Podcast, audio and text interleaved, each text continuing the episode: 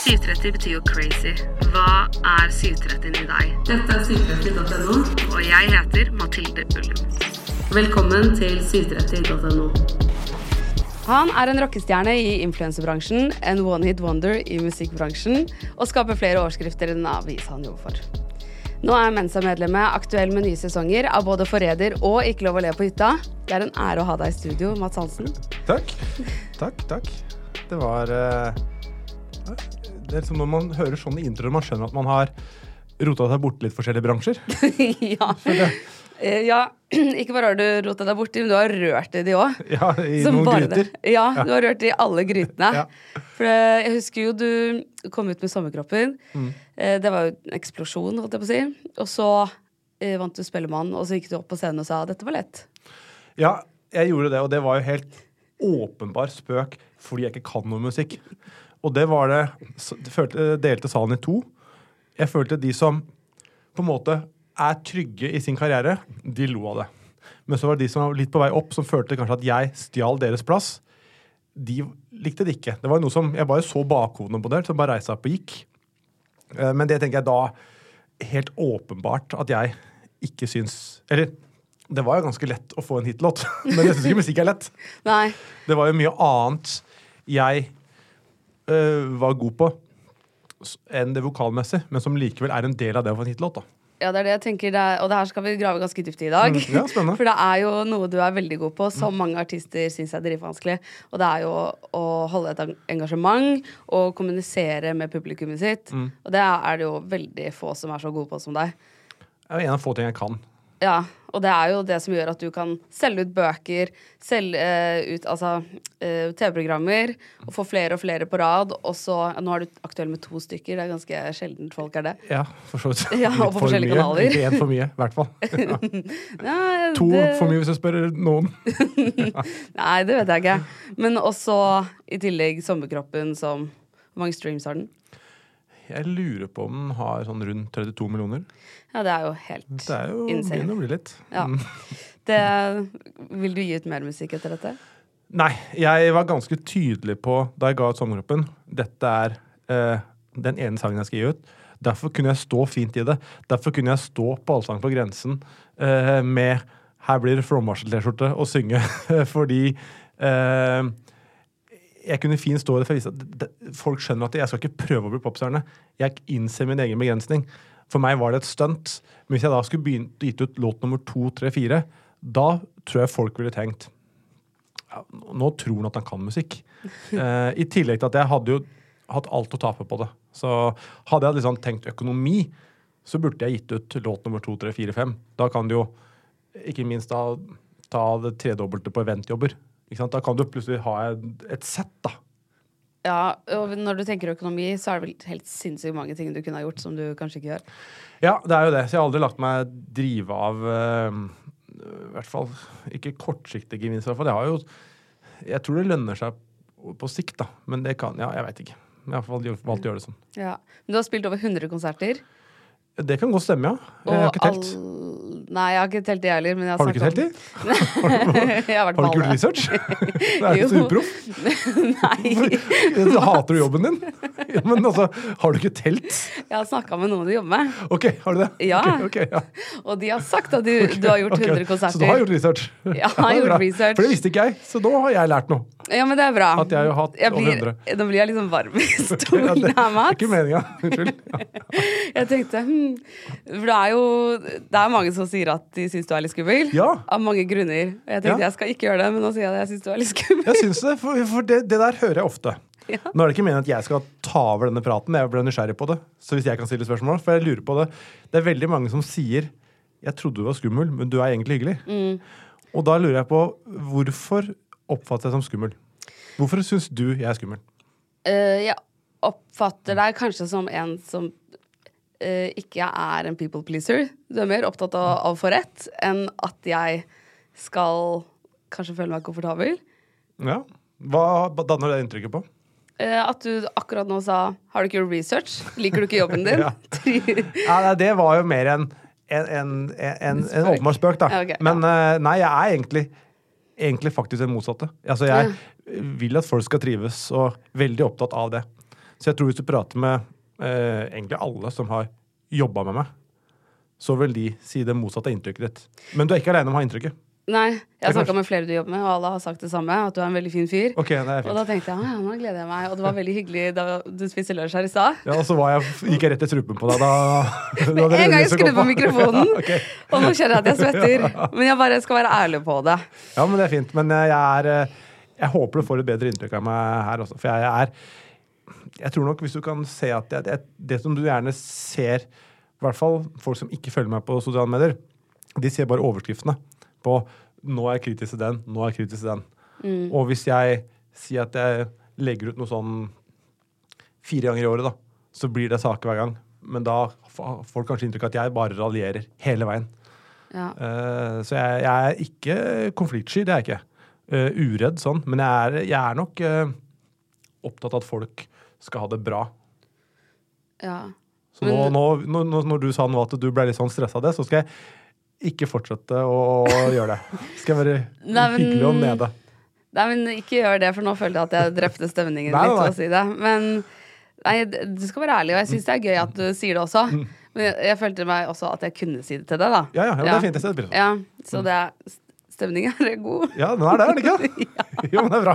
Kan vi ikke ha en sånn oppsummering? Kan vi ikke ha hvert eh, eh, Si hvert femte tiende minutt så kan vi ha en sånn stopp bare. Hvordan er stemninga nå? Er du redd? Svetter du? Er jeg komfortabel? Ja. Ja. Ja, men Det er veldig fint, for nå har, kan vi liksom feire ett år med denne podkasten. Og jeg har fortsatt kommet dit hvor jeg er nervøs og det det. trenger å sjekke at alt er greit. Men det er bra, det. Ja, Du det, skal bra. ikke bli komfortabel. For da Nei. glemmer man å trykke på rekk eller Ja. ting. Ja. det har jeg ikke gjort. Nei. Det Bank i bordet, ikke Mm. skjedd ennå. Men du driver podkast. Har du noen gang glemt å trykke rekk? Nei, for jeg har null ansvar for det. Det er en egen produsent som eh, Når det er sagt, faktisk eh, Så har jeg egentlig gjort det, for under korona så måtte vi spille inn hjemmefra. Ja. Da fikk vi med oss en sånn mikrofon som vi skulle plugge i Mac-en. Og så var det med Nei, telefonen var det. Mobilen. Og så måtte vi laste det opp på noe sånn hva heter det, røde rekk. Som var en sånn, man skulle gå inn på en side og få en lydfil ut av det. Så spilte vi inn blant annet med Åssen var dette? Uh, det, var, det var skjedd to ganger. Det ene gangen var med Sander Berge. Uh, satt i England. Fotballproff, Premier League. Uh, og da lastet jeg opp det, så viser det at nei, jeg har ikke tatt opp det, min del. Så det var bare Rasmus og han. Og det er veldig rar podkast når tredjemann ikke er med. Så da måtte vi spille inn på nytt. Uh, en annen gang spilte vi en podkast også under covid med Jon Christian Elden. Og da ble lyden til Rasmus fucka, så han måtte spille inn hele i etterkant. Han måtte sitte og Altså, han, han hadde lyden til uh, uh, Elden og meg. Og så måtte han da underveis uh, Dubbe seg selv? dubbe seg selv, så han måtte komme inn riktig. Du kan ikke bare si det du sier, du må komme inn liksom med, kanskje med en latter. Ha-ha, ja, apropos. Og det er også, også en fun fact. du nevnte ikke Lov å le på hytta. Sesong én der. Dette vet ikke folk, tror jeg, men eh, da var det noe feil med lyden. Så når jeg, jeg sitter jo i en egen hytte og ser på, så all lyden min ble ikke tatt opp. Så jeg var inne og voisa alle latterne og reaksjonene mine. Så hadde jeg f.eks. en tidskode med eh, episode 2 0414. Eh, medium latter avsluttes med hikst. Så måtte jeg liksom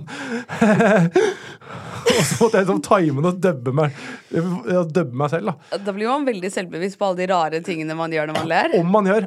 Ja, man- Eh, ja. Og, så, det, så, jeg, eh, så hvis folk ser det nå, når du vet om det, så tror jeg du kan merke det. Ja, men at man tenker jo ikke over det når man Nei, jeg tror, Ikke jeg tror det gikk greit der, men det var dritirriterende, da. Å sitte og altså, sju episoder og stå i Lyd i sentrum, som det heter, det firmaet, står liksom i en sånn voicebod og bare Neste klipp, så må du prøve det tre-fire ganger for å treffe. Åh, Og så var jeg ikke sikker på Jeg måtte lese på leppene. Hva er det jeg sier her? Og så liksom prøve å gjette. Eh, kan det være det? Ja, vi prøver oss. shit. Så svaret er egentlig Jeg har ikke glemt å trykke på rekk, men jeg har hatt tilsvarende episoder. Ja. Men det kommer aldri dere til å glemme igjen, da, å sette på den lyden. Uh, nei, det er jo fortsatt ikke jeg som styrer det, men jeg håper nå de har lært, i hvert fall. Ja, ja for det, det er jo litt irriterende også når det går utover din tid. Men bli, hvordan reagerer du når du får vite sånt? Nei, min tid er Altså, det er greit, men jeg blir sånn som når vi måtte spørre Sander Berge om vi måtte spille inn igjen. Det som det var kjempeflaut, for da han satte av tid til det. Det var ikke noe problem for meg, for meg liksom. Ja. Så, men for det er liksom pinlig at folk setter av tid til det, og så Det er verre når det er din egen skyld. Ja, det Ja. er det. Så nei, det, det gjorde ikke meg noe det at jeg måtte inn og voice. Det var kjedelig, men sånn skjer. It's that time of the year. Your vacation is coming up. You can already hear the beach waves, feel the warm breeze, relax, and think about work. You really, really want it all to work out while you're away. Monday.com gives you and the team that peace of mind. When all work is on one platform and everyone's in sync, things just flow wherever you are. Tap the banner to go to Monday.com. Quality sleep is essential. That's why the Sleep Number Smart Bed is designed for your ever evolving sleep needs. Need a bed that's firmer or softer on either side? Helps you sleep at a comfortable temperature? Sleep Number Smart Beds let you individualize your comfort so you sleep better together. JD Power ranks Sleep Number number 1 in customer satisfaction with mattresses purchased in-store. And now, save 50% on the Sleep Number limited edition Smart Bed for a limited time. For JD Power 2023 award information, visit jdpower.com/awards. Only at a Sleep Number store or sleepnumber.com. Hey Dave, Yeah, Randy. since we founded Bombus, we've always said our socks, underwear, and t-shirts are super soft. Any new ideas? Maybe sublimely soft. Or disgustingly cozy? Wait, what? I got it. Bombus. Absurdly comfortable essentials for yourself And for those facing homelessness. because one purchased equals one donated. Wow, did we just write an ad? Yes. Bombas. Big comfort for everyone. Go to bombas.com slash ACAST and use code ACAST for 20% off your first purchase. Ja. ja, det er noe Man kan sitte litt med hjertet i halsen og være sånn Shit, jeg håper det her blir tatt opp, jeg håper dette her går gjennom, at ikke det skjer noe. Ja. Jeg satt der i gang med Tommy T i studio. Han har jobba med radio i 30 år. Og er liksom, han er så proff, ikke sant. Ja. Og så hadde jeg fått beskjed om at Mac-en i studio hadde blitt ødelagt, så jeg måtte ta med min egen. Og så streiker den nå. Oi. Og da jeg ble så stressa. Jeg var sånn, «Å nei, jeg hadde lyst til at han skulle føle at her, her vet vi hva vi driver med. Og, ja, her flyter det som bare det. Og vi har snakka om at det er trangt med økonomien, og så flyr det inn Mac-er herfra og derfra. Og, ja, Det skjedde med jeg tror det var Undergrunn spilte i Drammen i sommer. Da ble Mac-en så varm at den konka. Nei. Midt, for de hadde spilt av alt fra Mac-en sin. Jeg husker ikke om det var de Jeg tror det var undergrunnen, ja. Ja, så da det var det så varmt at den ja, Det er også kjipt når du står på scenen der, og Ja. du har ikke noe backup. Men det skjer jo, liksom. Det kan man jo på en måte ikke noe for. Nei. Det er jo en liten digital feil. Mm. Men du har jo backup på hver eneste konsert du har hatt. Eller har du sunget live før? Nei, altså jeg synger vel det som kalles for jeg Kan ikke noe om dette. Er det singback? Altså, Ja, det er playback? Et, nei, singback, ja. altså playback, der, er det, der står det mimer. Men singback, der spiller du track i bakgrunnen, og så synger jeg over. Oh, ja, Så det er liksom lyd i mikrofonen, og jeg synger over. Men det er også en altså, stemme, vokalstemme i tracket. Eh, Det tror jeg er singback, men nå må gjerne noen arrestere meg på det. Eh, Så har jeg sunget, sunget live også i Spektrum med Stian uh, Staysman. Da sang jeg live. Så jeg har eh, Så jeg synger stort sett over Så jeg synger hver gang. Det er ikke sånn at jeg står og mimer. Bortsett fra Nei, jeg egentlig tror alltid det har vært lyd i mikrofonen, ja. Så det er ikke helt playback. Det, men det er fortsatt helt sykt. Jeg har vunnet uh, Spellemann, spilt Spektrum, Allsang på grensen. Det verste var jo første gangen jeg sto på en scene noensinne. Det var på Rådhusplassen, hvor jeg avslutta Det var 80 000 der. Og det, eller vil si, dagen før Det eneste gangen jeg fikk øvd meg da, det var, på, det var på Jessheim Storsenter. Uh, det var første gangen jeg sang Sommerkroppen, på en måte. Uh, sto der, og så var det rett ut da, og da var jeg kjempenervøs. Og det var eh, det var, det var så, Jeg var så mm, fisk på land at du aner ikke. Det var det veldig gøy når jeg kom i gang, da. Men jeg var kjempenervøs for, for jeg skulle, var redd for å huske teksten. For jeg hadde jo hørt hadde, Jeg fikk tilsendt en demo. Vi lagde vers 1 og refreng 1. Jeg var på bryllup eh, hos en kompis eh, Italia. Så da hørte jeg mye på den. Så jeg var veldig trygg på første verset, men andre verset husker jeg ikke. Så jeg var kjempenervøs. Hvis du står der, Det ser nesten dummere ut hvis det er på en måte playback track, og så synger du feil tekst. Ja. Så var, det gikk greit, da, men jeg var kjempenervøs. Å, fy faen, det skjønner jeg. Ja. Og jeg hadde jo liksom vært nervøs på det kjøpesenteret, Mm. og så skal du spille foran 80 000 på Ja. VG-lista. Ja. Fy fader. Nei, men hvordan eh, kommer man seg ned etter noe sånt? For du må jo ha sånn heftig adrenalinrush. Jo, det kom man seg ganske greit ned, for da skulle jeg rett videre til eh, Da hadde jeg en uh, ny spillejobb uh, på Heidis, eller The Box i Drammen. Så jeg måtte da gå For jeg skulle bli plukka opp på Aker Brygge. Så jeg da måtte gå sammen med alle tilskuerne bort dit, fordi jeg skulle samme veien. Så jeg måtte kjappe meg av scenen. Så jeg gikk da sammen med alle bort dit, og så bare henta en bil der og kjørt til uh, Drammen. Gikk på scenen der, sang, tilbake igjen, og så skulle jeg synge på Heidis i Oslo. Så det var sånn. Og så var det da legge seg, var det opp og eh, til Gardermoen, for da skulle jeg på en festival Hva het den, da? Eh, tresko Nei, det var Treskofestivalen eller noe sånt i, i Rogaland. Trevarefestivalen. Nei, ikke, Nei. det, er for det er ikke noe sånn ikke den, oh, ja. ikke den folk kjenner til. så det er, ikke, det er en som ligner. Eh, For folk tror jeg sier feil. Men det husker jeg ikke hva det het. Eh, I hvert fall i, i Moi. Moi, Moi i Rogaland, tror jeg. Ja. Um, så da var det der, og så var det da å ta Max-taxi med Postgirobygget ut dit. Så det var veldig absurd. Så, det var- det skulle bare sånn Ja. hele tiden. så jeg landa litt. Men når, apropos lande, så har man jo adrenalin som man Det er som etter en fotballkamp. Det, jeg og veldig mange flere som spiller fotball, sliter med å sovne etter kamp. Du bruker tid på landet. Ja. Så det er, liksom, det, er jo, det er jo gøy. Du får et kick. Det er jo adrenalinkick. Det er jo et egoboost. At Ja. folk synger sangen din, liksom. ja, hvis faen, og så skal du gå med fansen etterpå. Ja, og det var mer sånn Litt slitsomt, faktisk. For da var det, det var mange 14-15-åringer, og, og så hater jeg når folk spør om selfie, så kan jeg ikke si nei. Og da hvis én spør, så spør en til.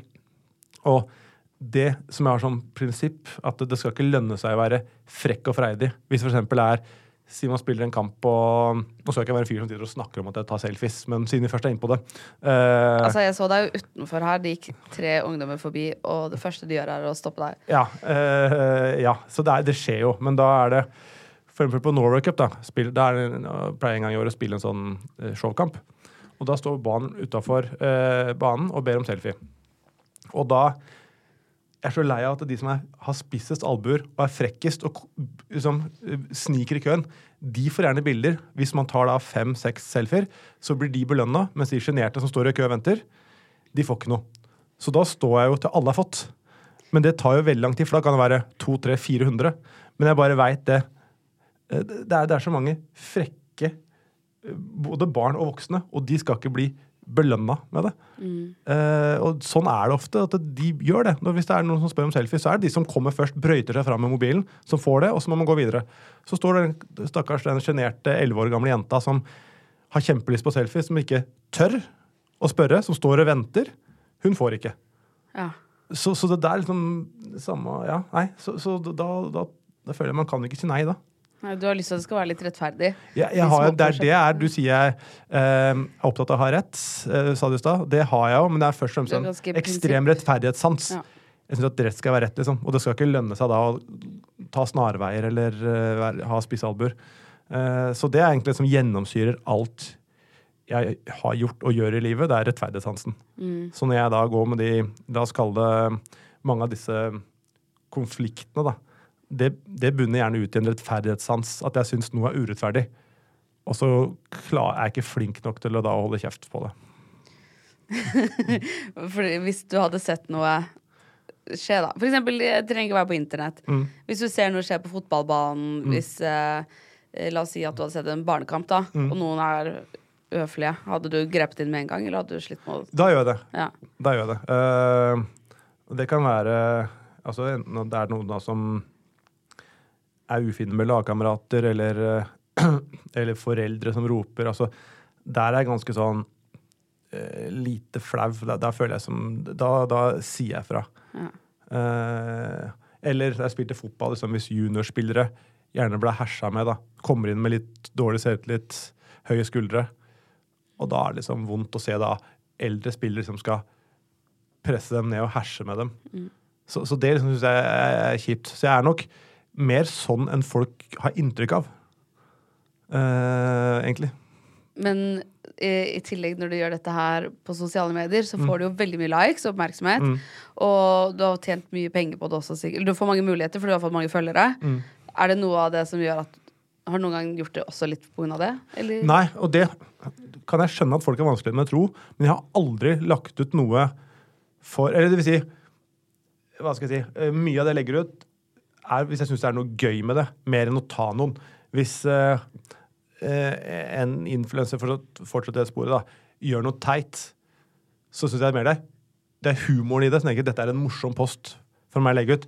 Og da, da er jo motivasjonen likes. Alle som legger ut noe, eller ofte folk som legger ut noe, enten det er en selfie, at de syns de ser eh, pene ut, eller det er noe morsomt, så er jo motivasjonen bekreft, det er bekreftelsesbehovet som ligger i bunn for det man legger ut, stort sett. Det er ikke informasjonsbehovet. Hvis du har et fint bilde av deg selv som legger ut, så gjør du ikke det. Dette fortjener folk å vite. Det er fordi du syns du ser bra ut, og du, man ønsker bekreftelse. Det er sånn man gjør på alt. Så da er jo motivasjonen indirekte likes, at man vil ha bekreftelse på at dette er en morsom post. Men det er aldri noe lenger at hvis jeg gjør dette, så får jeg publisitet. Hadde, hadde, for jeg hadde lagt ut mye mer hvis jeg ikke hadde fått publisitet på det. For nå så er det sånn kleint. Hvis jeg, hvis jeg vet at hvis jeg legger ut noe nå om en eller annen influenser, så veit jeg at God kveld Norge og Nettavisen ringer. Og uansett da, hvis jeg velger å ikke kommentere, så ser det enda teitere ut, for da står jeg ikke inne på posten min. Og hvis jeg velger å kommentere, så blir det en sak. Ja. Så, så det er liksom mer hindre meg til å legge ut noe. For jeg, vil, jeg veit at mange har det inntrykket at jeg, de som ikke følger meg, tror at jeg bare holder på med det hele tida. Så det er eh, så, så folk Det er liksom Det er gjerne folk som kan sånn med horn i sida til meg si uh, Han må holde seg relevant. Det er egentlig snarere tvert imot at jeg jeg syns det blir litt for mye Mats Hansen i monitorperioder. Så jeg liksom prøver å styre det ned. Uh, men det er kanskje heller Det er nok andre i bransjen som er mer opptatt Som Hva skal man si? Som er mer avhengig av å vise seg på premierefester. Som kanskje er kjent for å være kjent. Eh, Og leve litt mer av privatlivet sitt. ja, og som egentlig kanskje ikke har noe uh, de faktisk er eh, egenskaper de er kjent for. da. De bare er kjent for å være med andre kjendiser. Så blir de invitert på premierefester. så Derfor syns jeg det er sånne rød løper-arrangementer er Det er vel det dere Nå sier jeg dere som i 730, da, men det er, vel, det er jo gull for dere, sånne fester. Ja, For da får du tilgang på dem. men jeg syns det er så kleint. nå, 730 gjør jo mye uh, mer enn bare det, da. Det Ja. jo Ja, men jeg tenker på kjendiser. Ja. Du får fri tilgang til mange kjendiser på et, et samla sted. Ja. Men jeg tenker Du sier mange av de lever bare for å være kjente, men jeg, det er jo noe underholdningsverdi i det de leverer, da. Det er veldig mange morsomme sitater, og ja De har det jo litt gøy. Ja, da, men da, da, da, da får da altså, Rampelysjournalistene får jo da sakene sine. Men det er noe med det, syns jeg, å møte opp på en, et rødt løperarrangement på grunn av pressen. Ja. Det syns jeg er kleint. Jeg har sett da på eh, Jeg var jo på Vixen et år. Jeg har sikkert fortalt det før til andre òg, men eh, da var det, da så jeg enkelte som gikk Det er en rød løper. Du, du, går, du, går forbi den, og så blir du enten spurt av presse, eller så bare går du forbi. Da var det noen som da gikk ganske sakte gjennom, ble ikke spurt. Og da så jeg de snudde og gikk en ny runde. Det syns jeg er kleint. Men jeg blir utilpass på det igjen. Da er det andre som er mer komfortable og mer flinkere og bedre til å posere for bilder og sånn. Så er det nok litt med det å gjøre at jeg, jeg, jeg syns det er kleint, da. Ja. Har du drømt om å bli kjent? Nei, jeg har aldri gjort det, men eh, Eller Det som er litt greia i Jeg har alltid en sånn drives av eh, Enten det var fotball eller jeg jobba som selger før. Da jeg jobba som selger, så ville jeg alltid ha um, selge mer enn forrige måned, ha en større kundeportefølje. Jeg vil oppleve vekst.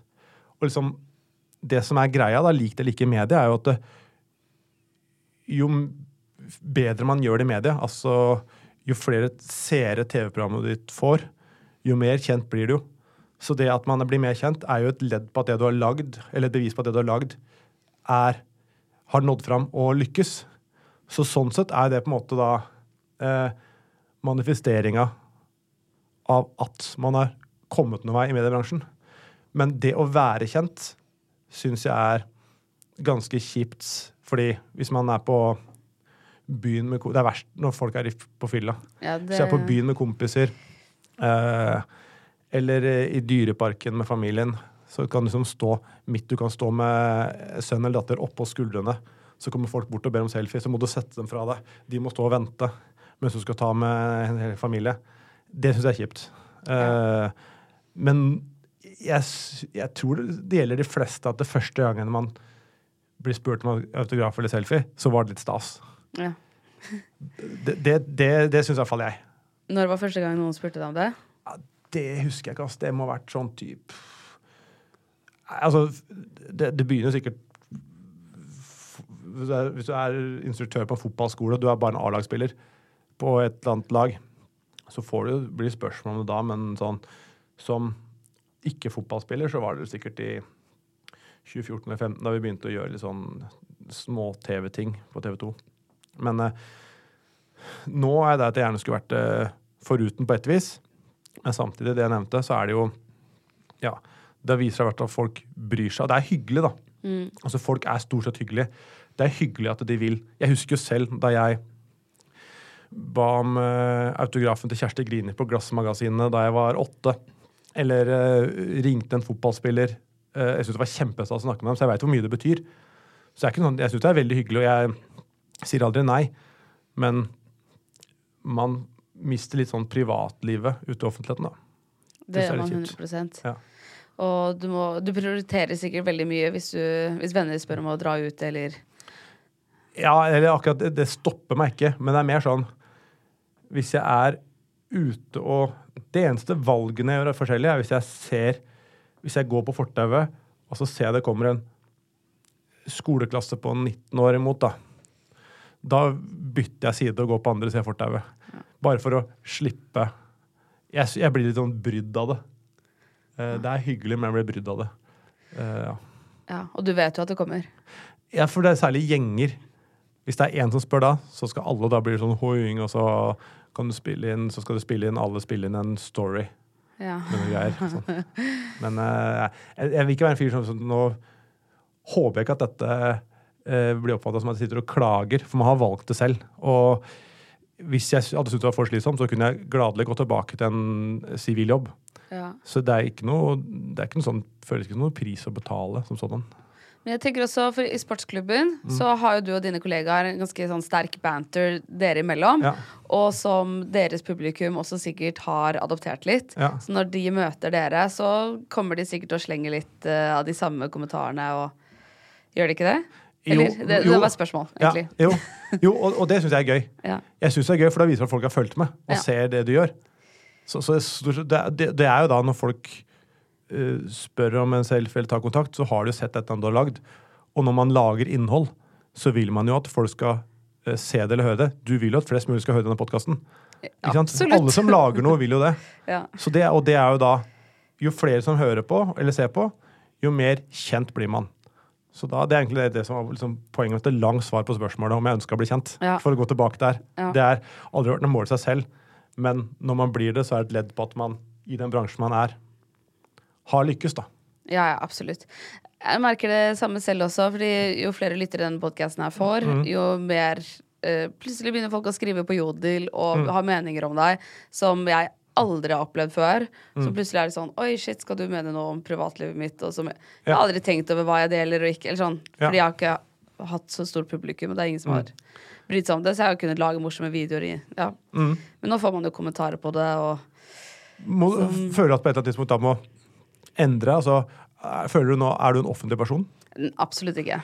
Nei, men På et eller annet tidspunkt så må du føle at du Nå er jeg det. Ja. ja, Når var det for deg? Det skillet? Jeg følte sånn, hvis jeg skal ha Det skjedde veldig gradvis, men hvis det skal være ett sånn tydelig skille, så tror jeg det var fra sommerkroppen. Om den fra dagen etter sommerkroppen. For da ble det fra å være eh, Jeg var nok eh, først stor på for gutter 16 til 19. Og så begynte jeg å legge ut en periode mye om influensere og bloggere. Da var det mange damer som syntes det var gøy. Eh, men sånn for den gemene hop, altså alle, da var det egentlig etter sommeråpen. Da ble det liksom en form for allemannseie. Så jeg har jo flere kvinnelige følgere enn mannlige. Har du det fortsatt? Mm. Oi. Jeg har alltid tenkt at du snakka veldig til guttene. Ja, nei, jeg har 52% damer, tror jeg. Oi. Så det er ikke så mange som eh, egentlig veit, for det folk snakker om, ja, gjerne når de kritiserer meg, men er bare 18 år gamle gutter som følger meg. Mm. Ja, det er mer 25-30 år gamle damer. Jeg tenkte det var 25-35 år gamle menn, ja. Det er jo ganske jevnt, da, Ja. men- som jeg sier, men uh, mange flere damer enn folk tror. Nei, det er veldig interessant. Ja, men, uh, for du har jo gått veldig på de influenserne jenter følger, Mm. som kanskje de uh, syns er gøy. Som er kanskje, ja, så jeg skjønner jo at det Ja, jeg tror nok det er veien de har funnet Instagram-profilen min. Mm. Men det er også en litt sånn myte, føler jeg. Hvis du ser nå på Hvis du går gjennom feeden min, så er det ikke mye hvis du går de siste to åra, da. Det er ikke mye, sier du kanskje finner fire, fem, seks poster om influensere på to år. Nå bare gjetter jeg, kan gjerne arrestere meg og si at det er åtte. Men eh, jeg, eh, jeg tror folk har inntrykk av at jeg legger ut mye mer om det. fordi det fikk mer oppmerksomhet. Ja, for det, det blir presset sakene på det. Mm. Så det er jo ja, jeg, jeg, jeg gjør det ikke så ofte. Og det er Jeg føler liksom at det, jeg får mye meldinger. Kan du ikke legge ut? Kan du ikke Nå sist nå har jeg fått en del meldinger fra folk. Kan du ikke mene om Kristin Gjelsvik sitt nettkurs? Uh, og jeg, jeg har liksom lyst til å gjøre noe grundig, for det, jeg kan ikke bare hive meg på. Da må jeg faktisk se Stemmer det? Uh, hva er fakta her? Uh, jeg, har så mye annet nå at jeg, jeg, jeg må liksom gå litt inn i det. Jeg skal gjøre det, Og det er ikke noe gøy å gjøre det halvveis. Og da blir det mer at det blir sånn lat og bedagelig. og Nei, vet du hva. Og så gidder jeg ikke å, også, å ta folk bare for å ta dem. Som regel syns jeg det er hvis det ligger noe gøy der.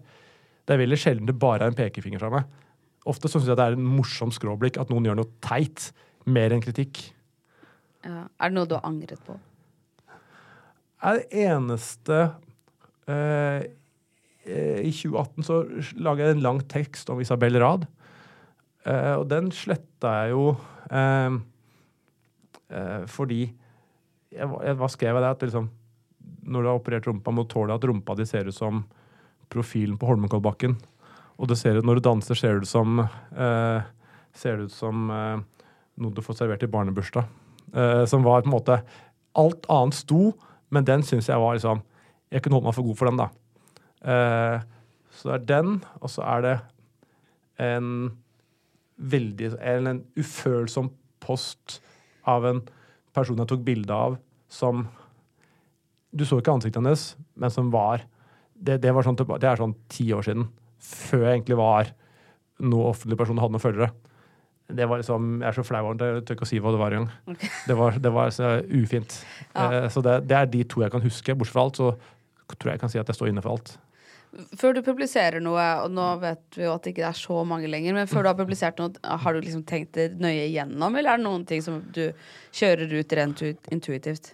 Nei, jeg tenkte alltid gjennom alt, stort sett. Kan folk gjerne være enig eller uenig i det jeg legger ut, men alt er gjennomtenkt, og ned til liksom minste ord har jeg hvordan ting kan bli vridd på. Så eh, jeg kan i hvert fall ikke Hvis det skjer noe, så er det svært sjelden jeg kan skylde på at eh, jeg tenkte meg ikke om. Eh, og det er litt derfor også jeg går opp? Folk får jo bare se det jeg poster. Men det er mange ting som jeg stopper, argumenterer med meg selv. Dette er ikke innafor, eller det er ikke gøy, eller det er ikke innafor. Og det, det stopper jo. Så det får ser jo ikke dagens lys.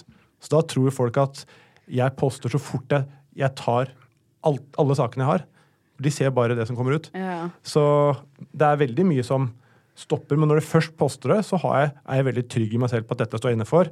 Har argumentasjonen min For jeg har jo allerede tatt en diskusjon med meg selv og argumentert for at dette er innafor. Så hvis jeg da kommer, kommer kritikk, da, så er det ikke noe problem å stå i den. Eh, og det er litt sånn som irriterer meg, for folk sier hvis, man da, hvis noen kommer med kritikk, og så argumenterer man tilbake, så sier folk du tåler ikke kritikk. Eh, jo, men man kan fortsatt argumentere tilbake. Du er bare ikke enig? Nei, nei, jeg er ikke det, for da hadde jeg vært enig, så hadde jeg ikke påstand. Nei. Det er mange på en måte av disse postene som aldri ser dagens lys, som jeg er enig med kritikken, men det er derfor de ikke kommer ut. Så når jeg først har posta det, så er jeg uenig med de som mener at dette er ikke greit å poste. Hadde jeg vært enig med det, så hadde jeg ikke gjort det. Jeg ser ofte at du går i diskusjoner i kommentarfelt, og Ja. det, det er vanskelig for deg å sitte og se på at noen sier Ja. noe du er uenig i. Ja, eller i hvert fall det som irriterer meg mest, er hvis folk kommer med faktafeil. Eller, eller, også, eller så faktafeil i form av ilegge meg motivasjoner eller intensjoner jeg ikke har hatt. Du legger kun ut dette uh, for å få media. Eller du har gjort det og det før. Da svarer jeg Kan du gi, gi, noen eksempler på det? For det stemmer ikke. Jeg tenker så Folk skal få lov til å mene hva de vil, men faktaene må være der. da. Det, det, det klarer jeg ikke å gå, la gå. Det burde jeg sikkert vært flinkere på, men når folk da kommer med påstander om meg som ikke stemmer, det, da, da, Det er som sånn, jeg tipper det er sånn som de med Tourettes har, med banneord. Da bare må jeg ut og Du klarer Nei, ikke? jeg klarer ikke. Det er jeg dårlig på. Så da Nei, og det, da får jeg ikke helt sånn sjelefred. Er du sånn med vennene dine også? Hvis de sier noe du er uenig i, så er det bare sånn. Nei, men uenig er én ting, Ja. men hvis det er noe feil, Ja, på en måte ja for det er unnskyld, det er jo forskjell på det. Ja, for Ja. altså, uenig, det, det- det kan være en mening. Hvis noen sier 'jeg mener dette ikke er innafor', det kan jeg få lov til å mene. For det er på en måte en, eh, deres subjektive mening. Og det er jo greit. Man kan godt diskutere det også, for all del. Men hvis de sier noe som er feil om meg, da sier jeg at det stemmer ikke. Hender det ofte at du endrer mening når du diskuterer med noen? Nei, eh, jeg er, det er også en sånn svakhet jeg har på et vis, at jeg eh, kan kanskje gå litt for mye prestisje i det. Det kommer an på åssen folk går ut. Hvis de går veldig sånn hardt eh, og bastant og bestemt ut, så går nok jeg også tilsvarende tilbake. Men hvis eh, liksom de jeg, noen går ut med mer sånn eh, åpenhet for å bli enig og litt mer ydmykt fram, så føler jeg jeg speiler litt også.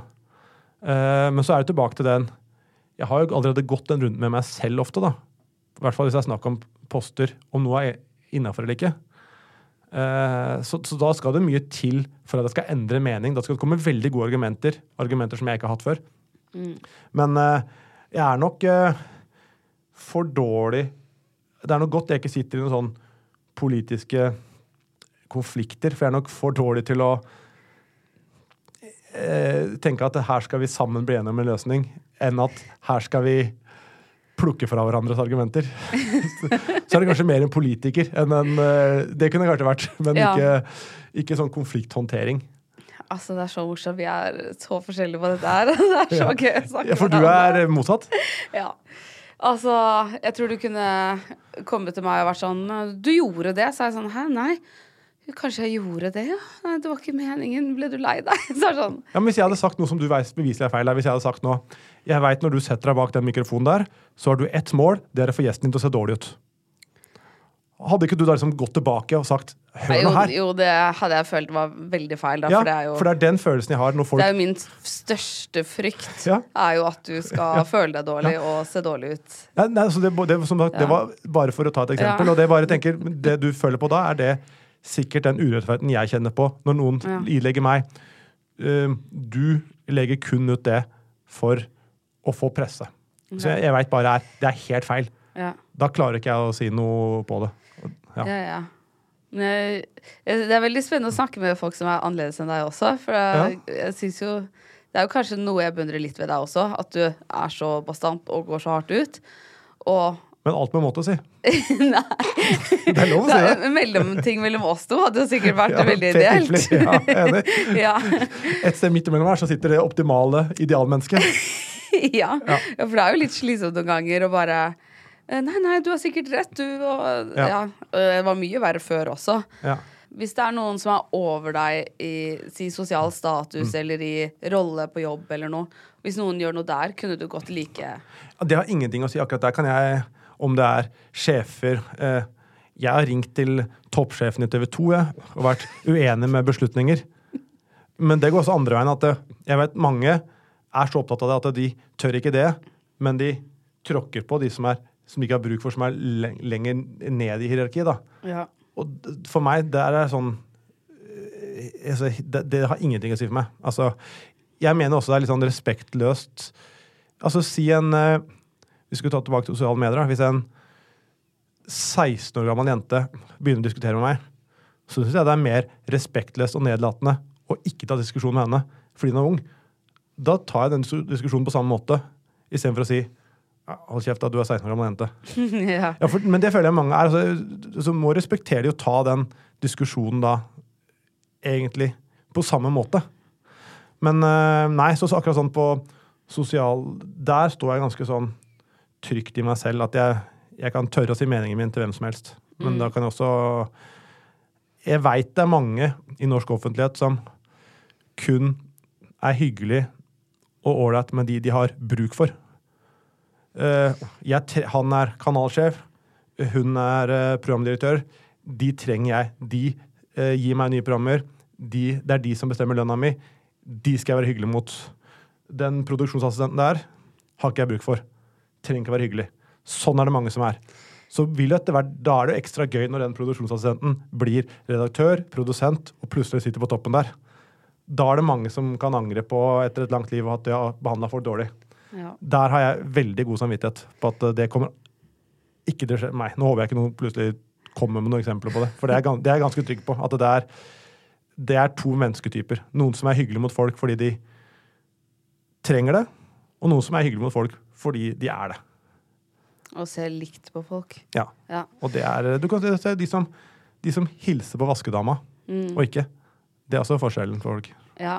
Ja nei, det alle burde ha jobbet litt i servicebransjen, for da tror jeg ikke man hadde lurt på om man skal det eller ikke. Nei. Da skjønner man på en måte hvordan du vil bli behandlet selv, burde du jo selvfølgelig gjøre det mot andre. Ja, og så er det noen av som jeg tror også Ja, for det, det er også noe med hva er insentiv og motivasjonen din? Er, det, er du hyggelig mot alle fordi du vil bli godt likt, eller fordi du liker det å være hyggelig mot alle sånn uten noen ytre motivasjon? Og Det tror jeg liksom skinner igjennom etter hvert øh, hvilken type du er. Du klarer ikke å holde den fasaden gjennom hele et liv. Så er det derfor mange Det merker jeg når man skal caste folk til Ikke lov å leve på hytta eller Forræder. Så går praten. Ryktene går på at han er vanskelig å jobbe med. Så det biter deg i ræva. ikke sant? Hun er vanskelig. Eh, så det, så det, det, du får igjen for det på et eller annet tidspunkt. Så heldigvis, da. Men det er nok mange som også klarer å holde, seg, holde den fasaden, dessverre. Fordi de veit hvem du skal være hyggelig mot. Og så de de ikke trenger det. Ja. de ja. Eh, du har jo spilt inn Ikke lov å le på hytta, som hadde premiere for noen dager siden. ja. Og gratulerer. Takk. Jeg, er så, spen- jeg har så mange spørsmål. Men hvem er, er du mest imponert over? Eh, jeg må nesten si to stykker. Eh, det er mange jeg visste var bra, men jeg må si Snorre Monsson, som jeg tror de neste ti åra kommer til å bli neste store innen norsk eh, humor. Han har noe helt eget, og han er Det jeg liker med han, og særlig på hytta, er at han, han er så varm, og han ler så hjertelig. Eh, og er en varm fyr og har noe helt eget mimikk. Blandinga av fysisk humor og altså være rask og smart. Den treffer meg virkelig, så han håper og tror jeg kommer til å få en stor karriere. Og så må jeg også, eller jeg vil si tre stykker, da, så sier jeg også, for nå løfter jeg kanskje fram de mest ukjente. da. Emil Berntsen visste jeg var morsom, men han, noe, han er improskuespiller. Gjort mye sammen med Christian Mikkelsen, men havna i skyggen av han. Uh, Emil Berntsen imponerte meg. Og så hadde vi da en folkets deltaker, som da var en mann i gata. Vi hadde et programkonsept på VG tidligere i år hvor vi hadde 1400 søkere eller noe sånt. Han, det var auditioner. Han vant og kom inn som totalt ukjent med da elleve etablerte komikere. Ganske tøft. Men at han turte liksom å stå i det, være seg sjøl, selv om han fikk litt tyn til tider. Sto i vitsene sine. Det imponerer meg, for det, liksom, du er en ung gutt. Kanskje, Han var vel kanskje den yngste der også. Eh, helt ukjent. Så det var, det var, var kult. Ja, det, jeg så jo eh, flere episoder fra det også, når du skulle finne folkets deltaker. Mm. Utrolig kult konsept, forresten. For det er jo mange som har sendt deg melding og sagt at eh, ja, men kompisen min er så morsom, eller Ja. venninna mi burde vært med. Ja. Hun hadde vunnet, så bare OK, jeg tar dere på ordet. Ja. Send inn, da. Og det er jo det er veldig bra i forhold til å liksom, engasjere publikum. Ja. Fordi jeg hører, jeg hører hva dere sier, vi lager et program om det. Ja. Og det var jo sinnssykt høyt nivå. Ja, det var mange flinke eh, og forskjellige folk der. Det er, altså, det er ikke mye som er modigere enn det å gå inn i et auditionrom og så skal stå på et merke foran tre stykker og være morsom. altså, jeg, jeg mener generelt de som står standup, jeg har så respekt for dem. Det, det å skulle stå og være morsom foran folk, det er det mest sårbare du kan gjøre. Ja. Så det er tøft, altså. Har du prøvd det? Uh, nei, vi, det nærmeste jeg har gjort, er vel at vi hadde en sånn greie i sportsklubben. Vi skulle holde standup for et eldresenter. Men det Nei, det, det, det Nei, heldigvis ikke. Det virker helt jævlig. Ja. Det- ja, men dere utsetter dere jo selv for veldig mye i sportsklubben. Altså. Ja, men jeg syns fortsatt det ikke er i nærheten av det å kunne stå på en scene og være morsom. Eller hvis du er morsom, så er det greit, men å prøve å være morsom Ja. det, Nei, all respekt til eh, de som driver med standup. Og du kan jo være så morsom du vil, men treffer du ikke riktig publikum heller, så Nei, nettopp. Eh, nei, nei, så, så det der uh... Eller feil publikum, da er det Ja, men da, det er jo sannsynligvis den på scenen det er noe feil med, da. Men, ja. det er alltid hatt feil publikum, jeg. ja, det, har, du, har du stått på ennå? Eh, ja, så tre ganger. Har du det? Ja, men, uh, men da, da var det ikke noe galt med publikum, altså. Det, Fikk du dårlig respons, eller? Nei, nei. Det gikk ganske bra, faktisk. Hva er beste biten din? Nei, gud. uh, jeg fortalte en historie om eh, Vil du høre den? Ja takk. Skal sende meg Nå angrer jeg. ja, nå angrer jeg faktisk. Og så må bare si det før du begynner, Mm. at jeg er en fyr som ikke reagerer med latter. Jeg syns ting er morsomt. Så at jeg ikke ler, du, det må ikke sette deg ut, for jeg syns ting er morsomt for det. Ja, ok. Det er et dårlig standup-publikum, på en måte. Nei, eh, eh, faren min døde, og Tøff start. beinhard Ja. start. Faren min døde, Mm. og eh, han har vært syk i mange, mange år. Og det her var første julen hvor jeg og mamma skulle ha uten han. Og så skulle vi besøke graven på julaften, og da hadde vi bestemt oss for å dra til fjellet da, og besøke familien vår, liksom ekstra, den storfamilien. Og da tenkte vi vi må dra på graven lille julaften for å eh, legge på krans og ja. Og vi var sånn, Mm. hva gjør man egentlig? Vi har ikke, vi har ikke opplevd død i nær familie før. Nei. Ta med noen kranser, noe lys, setter det opp, og da Det her var jo rett etter han hadde dødd, så da hadde han jo liksom fortsatt det hvite korset som man har. Ja. For er før du har fått gravstøtte og sånn. ja. Og så er det veldig mørkt, tenner lysene, det blåser litt så det slukker. Og vi er sånn, ja, skal vi synge eller lese dikt, eller hva gjør mm. man, liksom? Og så er vi sånn, nei, vi bare drar hjem. Skal vi bare tenne det siste lyset, så ser vi at vi står ved feil grav. Det er, det er gøy. Ja. Det, det. Og da, hva gjør man, liksom? Du kan ikke plukke opp de kransene. okay, ja. For det er veldig mye folk der. Okay, det, ja.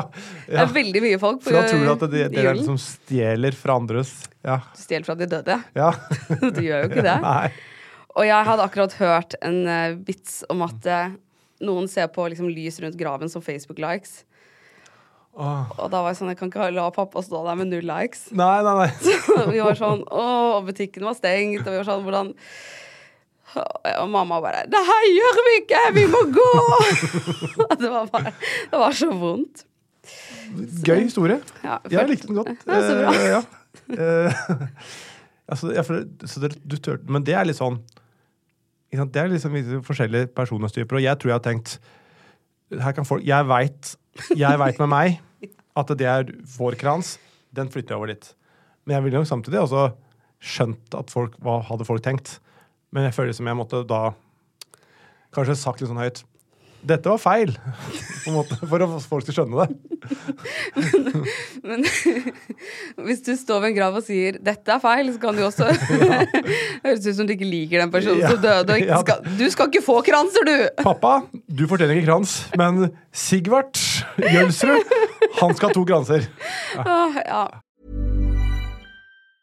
It's that time of the year. Your vacation is coming up. You can already hear the beach waves, feel the warm breeze, relax, and think about work. You really, really want it all to work out while you're away.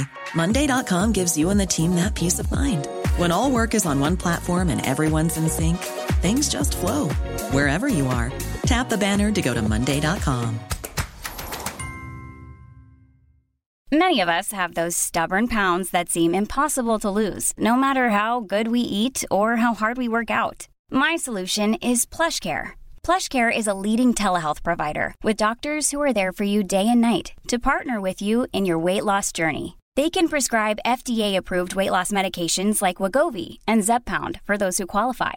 Plus, they accept most insurance plans. To get started, visit plushcare.com slash weight loss. That's plushcare.com slash weight loss. Quality sleep is essential. That's why the Sleep Number Smart Bed is designed for your ever evolving sleep needs. Need a bed that's firmer or softer on either side? Helps you sleep at a comfortable temperature? Sleep Number Smart Beds let you individualize your comfort so you sleep better together. JD Power ranks Sleep Number number 1 in customer satisfaction with mattresses purchased in-store. And now, save 50% on the Sleep Number limited edition Smart Bed for a limited time. For JD Power 2023 award information, visit jdpower.com/awards. Only at a Sleep Number store or sleepnumber.com.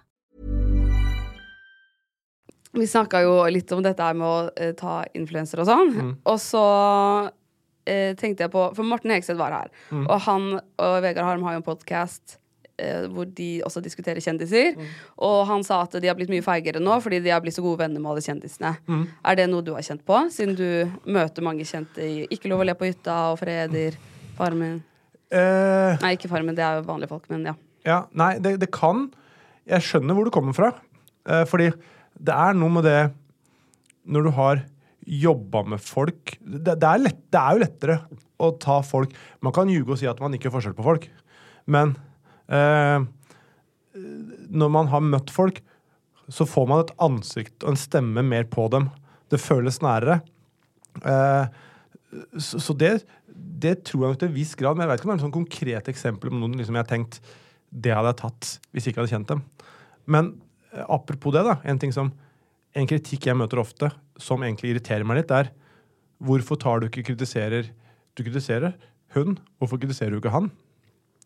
Og da tenker jeg, for det første så er ikke jeg noe Jeg er ikke, en, jeg er ikke VG eller en sånn altså en fjerde statsmakt som skal ta alle. Jeg er ikke en sånn domstol. Så det er, at det er urettferdig at jeg kritiserer Eller hvorfor legger du ut noe om hun, men ikke han? For det første så mener jeg ikke det skal være noen grunn til at jeg skal svare på det, for man, alle legger ut det de bryr seg om, og det de vil selv. Så videre er det også at jeg da, for eksempel med, med Bernt Hulsker, så var det mange som hvor, Hvorfor legger du ikke ut om Bernt? Du kritiserer influensere, men når, når en kompis av deg gjør noe dumt, så nevner du ikke med et ord. Og her mener jeg det, er, det ene er det jeg akkurat nevnte. Det andre, det viktigste, er eh, når folk gjør noe privat. Da tenker jeg det skal få lov til, det skal i hvert fall ikke jeg bry meg om. Så Da sikter du til det som skjedde uh, på Var det ikke var, uh, Det var et julebord, VGTV-julebord, Ja. hvor han da uh, kom med rasistiske bemerkninger mot en, eh, en dørvakt. Det ble blåst opp, men det er noe han har gjort på privaten. Samme som hvis med eksempelet jeg har brukt, Paradise Hotel-vinner tatt for voldtekt. Ikke sant? Det, det tenker jeg. Eh, jeg får masse videoer folk sender meg. Sjekk, her er eh, Ex on the Beach-deltaker. Dritings. Slåss med fyr. Men det er privat. Så jeg mener, For meg så er det en stor forskjell på hvis du legger ut noe eh, på sosiale medier, sier noe på TV, da tenker jeg da har du brakt det ut i offentligheten selv. Da må du tåle at det omtales i offentligheten. Ref dette bildet med denne posen som kan ha vært hva som helst i, selvfølgelig. Med Sofie Lisa Nord Haukeland. Eller har dere Blir Nore Haukeland sladda her nå? Eh, nei. Nei. Hun blir ikke sladda. Nei, nei. Eh, Din arbeidsgiver har heller ikke sleddet henne i de siste artiklene. nei, det er vel flere som har Ja. Ja, for Sofie Elise har jo vært her i podkasten og Ja. snakka om det, Ja. og da kom jo det i VG. ja ikke Og sant? da ble hun ikke sladdet. Nei.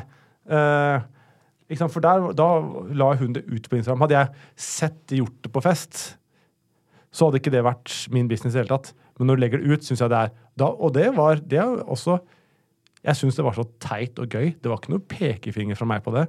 Bare det at du er så opptatt av å posere sexy at du glemmer at du har en pose kokain i hånda. Jeg synes det er kjempegøy. Da vet vi ikke hva som var i den posen. Nei, nå, det var bare rent hypotetisk. Ja. Jeg, jeg tror faktisk jeg la ut og skrev at det var salt eller sånn ja. på Instagram. Uh, men uh, det gjorde jeg for øvrig uh, rett før finalen av Forræder. Så ja.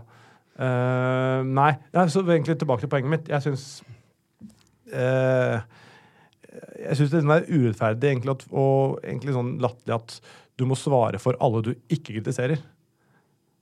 Uh, jeg, jeg tar noen utvalgte få som jeg Ofte så er det fordi jeg syns det ligger noe gøy der, eller fordi jeg syns det er et godt poeng. ja. Jeg skjønner jo også at det er jo ikke jobben din å være en Instagram-vaktbikkje. Og så skjønner jeg forskjellen mellom straffesak og et bilde du har publisert selv. Ja. Og i straffesak så er det jo på en måte Da skal jo retten dømme, og Mm. da skal jo egentlig vi holde oss unna. Ja. Og spesielt i voldtektssaker så skal man kanskje ha litt respekt for offeret. Ja. Kanskje ha litt respekt for offeret. Ja, det er også en setning. brann- Brannfakkel. Holder opp en liten brannfakkel her. Men jeg skjønner kanskje litt Eller det jeg lurer på hvor det kommer fra, Mm. er at eh, Det er jo sånn mange har blitt kjent med deg, Mm. er at du har postet kritikk mot influensere, og Mm. at eh, mye av troverdigheten din ligger der. Og de lurer da på hvorfor du ikke gjorde det. For de lurer på om det er det fordi du er venn med Bernt Hulsker at du beskytter han. Ja, men det, det er jo nettopp det Ja. jeg nevnte. At Bernt Hulsker er, er noe jeg aldri kunne gjort uansett hvem det var. Mm. Men da må folk gjerne komme med gode eksempler. Så kanskje jeg blir svar skyldig. Ja. Men Bernt, det, det, det mener jeg det er noe jeg aldri ville tatt uansett, fordi det skjer privat. Han har ikke gjort det i offentligheten. Ja. Uh, men hvis det er noen andre eksempler på det, uh, kom gjerne med det. Men igjen så er det som jeg sier, jeg legger ut noe jeg, jeg, Det er Hvis jeg da La meg si at det er 100 aktuelle ting å legge ut i løpet av et år, da, så legger jeg ut fire eller fem. Mm. Så du jeg da at man skal svare for Det er ingen som spør meg hvorfor la du ikke ut når Isabel Rad gjorde det.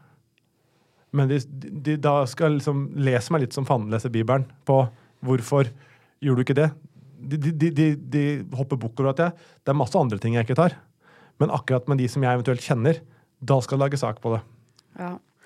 Og så har du vært veldig opptatt av å bruke profilen din til andre ting òg. Ja. Som for eksempel eh, den julekalenderen. Ja. Og samlet inn penger. Du hadde mål om å samle inn Var det 200 000? Og det Først var det endte- 100 000. Ja, 100 000. Så ble det 200 000, og så Ja.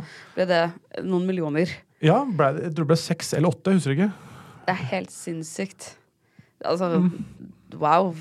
Det Mm. Ja, det var gøy, det. Og det, det var bra. Det var eh, Jeg tror det var to ting med det som var bra. Det ene var pengene som kom inn, men det var mange som opplevde det Mange som ikke turte å spørre om hjelp.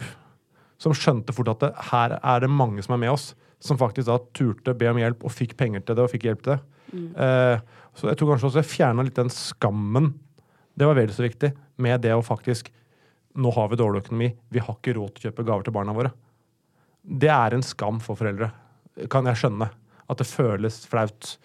Eh, for du som, jobben som forelder er at barna dine skal ha det bra. Så det tror jeg liksom ligger i. Hvis da barna ikke har det bra, så eh, er, føler, får du skyldfølelse. Mm. Og da er det flaut. Og nå lever vi i en sånn sinnssykt vanskelig tid eh, økonomisk. Jeg har akkurat hatt Algeir Katsheim her til å Ja. snakke om det. Og vi hadde en økonomispesial hvor han forteller om Og det er, Ja. det er tøft, altså. Så det er utrolig bra at du gjør det, og setter fokus på det. Ja. Og Tenker å kjøre i gang eh, i år også. Og, Så bra. Ja. Så Nei, nei det var, jeg tror folk Jeg var liksom bekymra for Ikke bekymra, men jeg var usikker på om folk hadde råd til å gi selv. ja. Eh, at nå hadde folk nok med sitt. Men jeg tror nesten det var såpass mange som sleit økonomisk og tenkte at det, nå sliter vi. Det er ikke mye som skal til før vi er der. Så at vi har 200 kroner å gi til dem, det har vi råd til. For, for, så det føles mye nærmere. Mye lettere å tenke det kunne vært meg nå enn for fem år siden. Ja, og så var det mange som ga veldig mye, og så var det mange som ga liksom det de kunne gjøre. Ja. Og det er også så fint. Mm. Altså, det var, flere, ga, var det ikke en som ga 100 000? Jo, det var Jeg tror hun som ga mest, ville ikke si hvem vedkommende var, men det var skatteflyktning. 200 000. Ja, stemmer det! Det var skatteflyktning. Jeg husker jeg Kygo hadde Kygo og Alan Walker ga 150, jeg husker ikke hva som var hva. Ja. Det ble en litt sånn jeg, jeg fyrte opp litt offentlige personer, ikke sant? eh, liksom, sånn Petter eh, Hva slags Staysman ga vel 20 000, så ga uh, Petter 20 100 for å legge seg over. ikke sant? Eh, Ja. Bare sånn på uh, sånn vennskapelig greie, da. Men eh, eh, nei, det, det var Det blei ble en fin greie, det der. Og det var, det var veldig, veldig hyggelig. Så mm, nei, jeg håper det kan bli noe tilsvarende i år. Det, så de, de må ikke tenke på, de som var De var ikke taperne, men faktisk den organisasjonen. De fikk masse penger, men de fikk helt sjukt mye mer jobb. Kan tenke deg hvor mange forespørsler de fikk. Liksom, det var sånn Ronny, da, som er daglig leder her, han eh, eh, kom på jobb klokka sju. Da var det altså haugevis av mail med familier som trenger hjelp. Så må man sjekke alle. ikke sant? Spørre ok, hvor bor dere. Ok, barna dine, Du har en sønn på åtte og en datter på tolv. Hva er interessen deres? Ok, fotball og ponni. Da kjøper vi inn til det. ikke sant? Da har de en Post-It-lapp med adresse, alder, interesser. Ut og kjøpe inn til det. Og så går de gjennom da. Går de fra jobb kanskje klokka ett om natta, har gått gjennom hele lista. ikke sant? Og så sover i fem timer. Ny dag. Og det kommer mer og mer. Så, det var liksom, så jeg var innom kontorene hvordan de det er jo ikke sånn, man tenker, det er ikke noe samlebånd. Det, er- det er jo mennesker som må sitte og skrive ned på Post-It-lapper. Gå ut og kjøpe på Brio eller kjøpe gavekort på Kiwi. Vi har ikke råd til mat. Nei, vi, vi bor ikke vi, De kjører ut til de som er i nærheten. Nei, vi bor i Bergen. Ok, da kjøper vi gavekort på Kiwi. 2000 kroner. Sender dit. Og så er det også fint med at eh, de kjøper gaver, men de setter jo eh, blanke eh, navnelapper, sånn at foreldrene kan skrive fra mamma og pappa. At ikke fra rett fram. For det er jo det foreldra vil kjenne på at eh, vi har ikke råd til gaver. Så barna trenger ikke å vite at de har fått hjelp. Men at de kan si at mamma og pappa har kjøpt noe jeg ønsker meg. Så, så var, men de hadde så mye å gjøre, så jeg hadde ikke tenkt å skulle ringe han nå og høre Er dere rigga for tilsvarende, liksom? Skal vi hente inn flere folk? Skal vi sam samarbeide med noen? For det Jeg tror ikke det blir noe mindre trøkk eh, neste år. Tror ikke jeg heller, i det hele tatt. Ja. Men kunne man ikke fått inn frivillige til å bli med? Jo, det er mange som sendte melding eh, liksom, Vi kan være med å kjøre ut, og sånn, så det var jo mange som hjalp til. Men de må nok Det skjedde, liksom, det skjedde liksom plutselig i desember, og da hadde ikke de De hadde de kontorene de hadde, ikke sant. Og, ja. Ja. så nei, de veit jo kanskje litt mer hva de går til nå. Men det var en veldig fin greie, og folk syntes det var hyggelig. Jeg var med, og De feirer jo arrangerer julaften hver kveld hele desember for noen familier. Så jeg var der og feira med noen da hvor det var Det er julemiddag, og så er det riskrem, så kommer julenissen, og så er det veldig fint. Så, så det er liksom veldig god greie. Så nei, det håper vi får til i år òg. Ja. Åh, hvordan føltes det?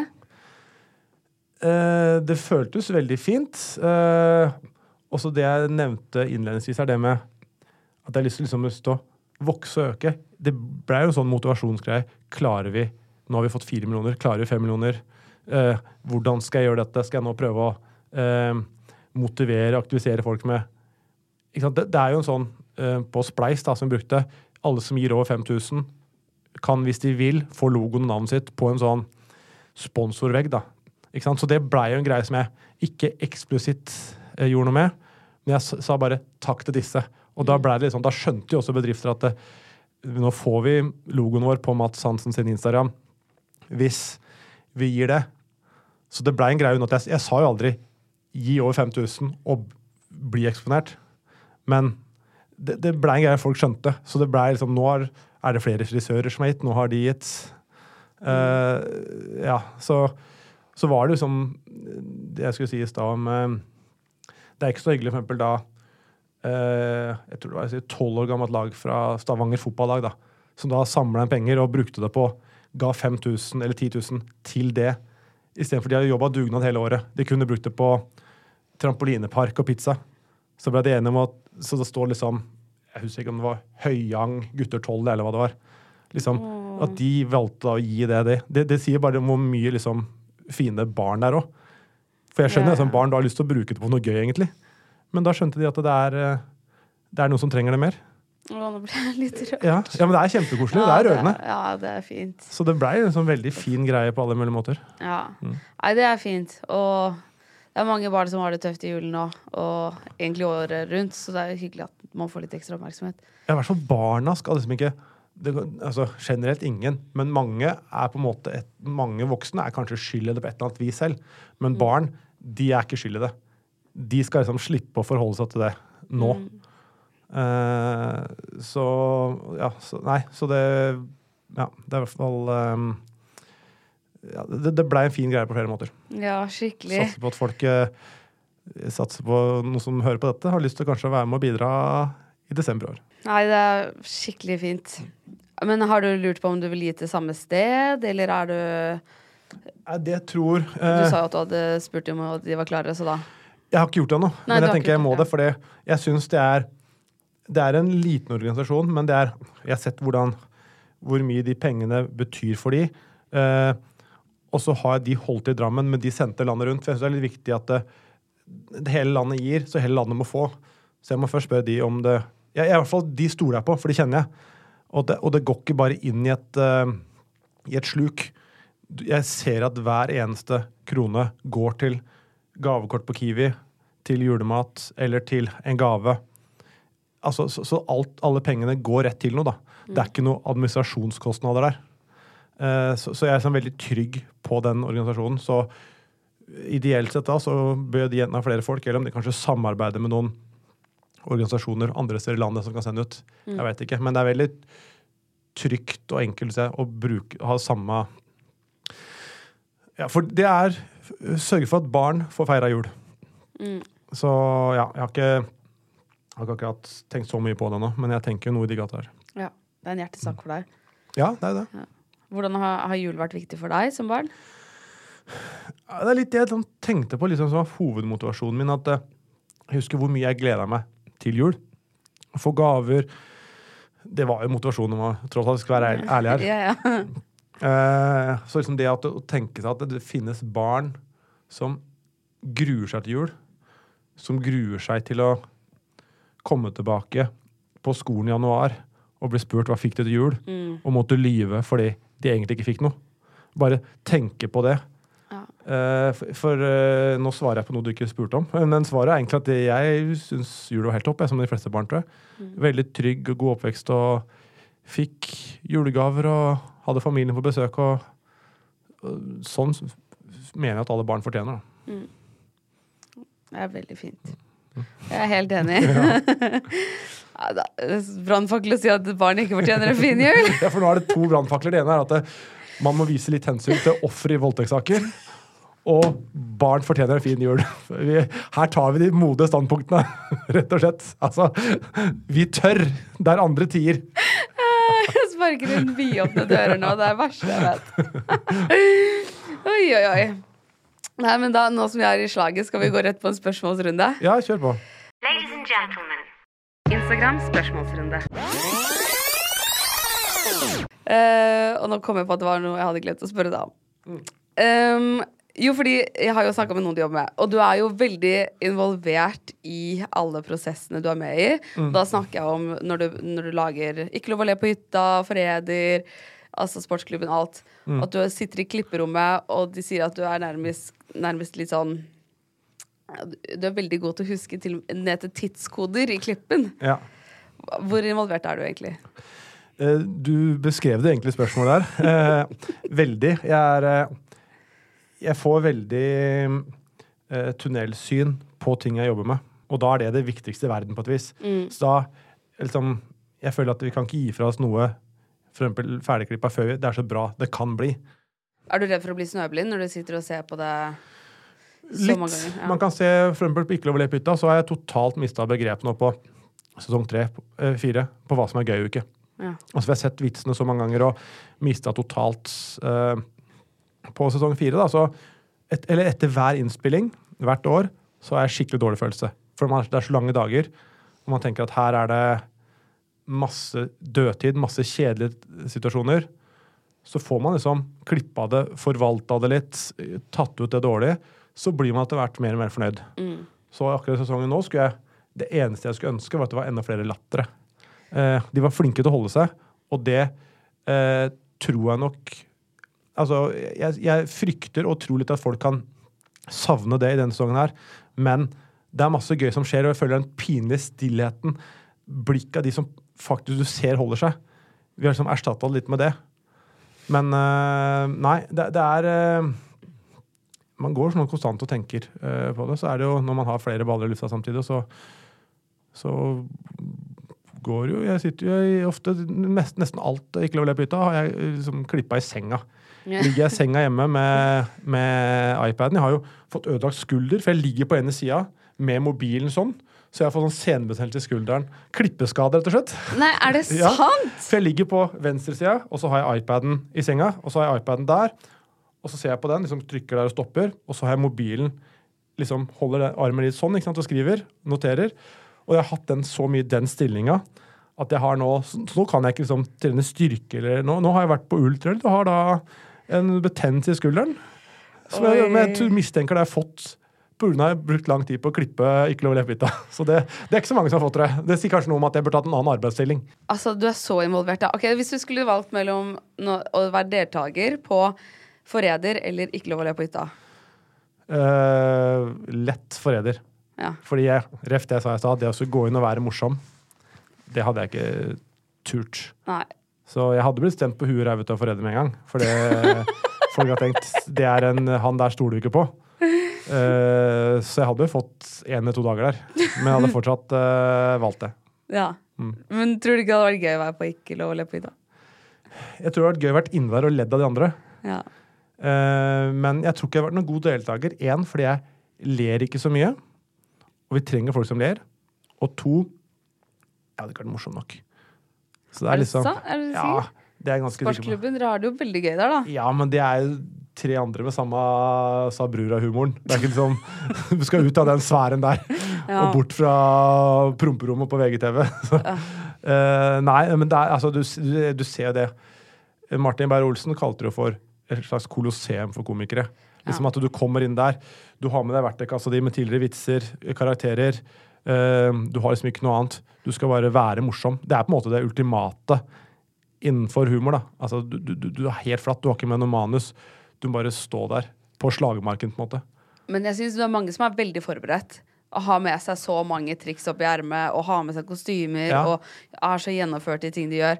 Det er, mistenker jo at de må forberede seg mye før de har kommet inn. Ja, men så varer så er du ute i episode to, da, så er du kanskje ferdig med det der. Ja. Så har du en fem episoder. Det er da liksom du sånn skiller kl- klinten fra hveten. Ja.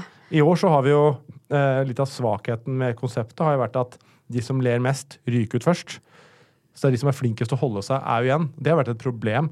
Så i år så kjører vi jo eh, I episode seks så kommer alle de fem første som har slått ut, kommer inn igjen for å representere de fem semifinalistene. Så da får vi din igjen. Får vi liksom da, så ryker du tidlig, så skal du fortsatt inn igjen og gjøre en jobb.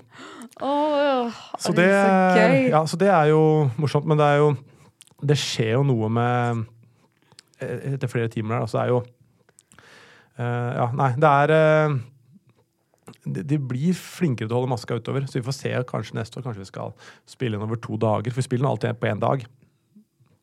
Hæ, jeg trodde det var flere dager, Ja. Nei, nei, det er én dag.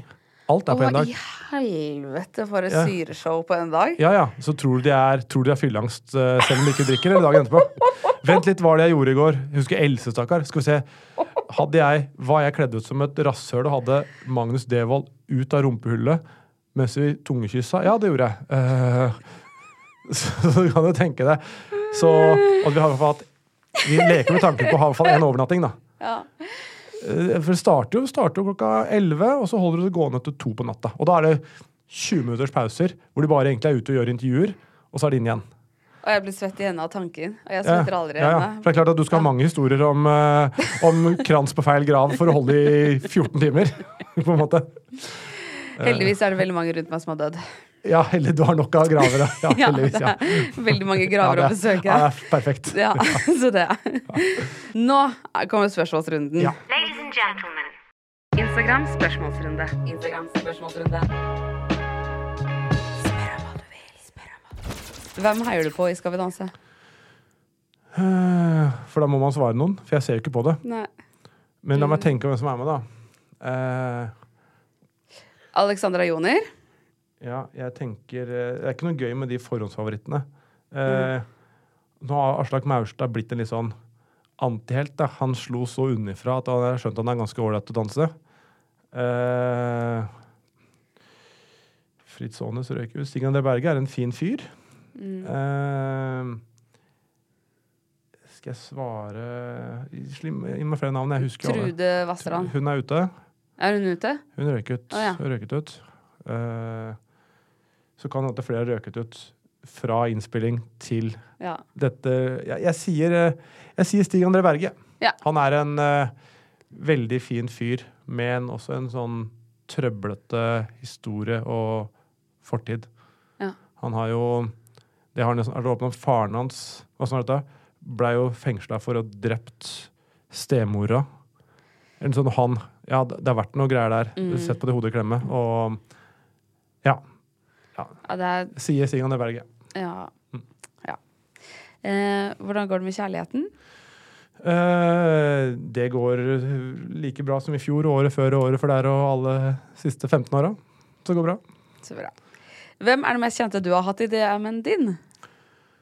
Eh, det må jo være Skal vi si Erling Braut Haaland. Eh, Tuller du? Nei, han følger meg jo. Ja, stemmer det. Så han har jo vært med i podkasten vår og Ja, det er sant. Hva chatter dere om? Det kan være Det er vanskelig nå, for nå altså, Jeg tipper han får så mange meldinger at hvis man sender noe nå, så ser han ikke engang. Men han kan kommentere. Ja, Men ikke på primær. Du ligger jo inne i primær eh, Jeg vet, jeg har jo driti meg ut her. Jeg har lagt alt i primære, så jeg får jo opp Det er kjempedumt. Så jeg burde Ja. jo starta og hatt bare noen få i primære. Ja. Men uh... Men han får sikkert bare de han følger i primær. Han følger ikke så mange. Nei, men jo, men jeg har jo sett liksom Når jeg har sendt et par meldinger kommentert med nå, så står ikke de som sett. Så kan godt hende han bare ser den meldinga fra Mads Hansen. Den gidder jeg ikke å gå inn på, selvfølgelig. Men nei, siste var vel at han skulle gå inn og se, det. Jeg tror faktisk det var noe med den julekalenderen. da. Skal vi se. Um, skal vi se Han følger ikke så mange norske. Nei. Uh, jo, det var uh,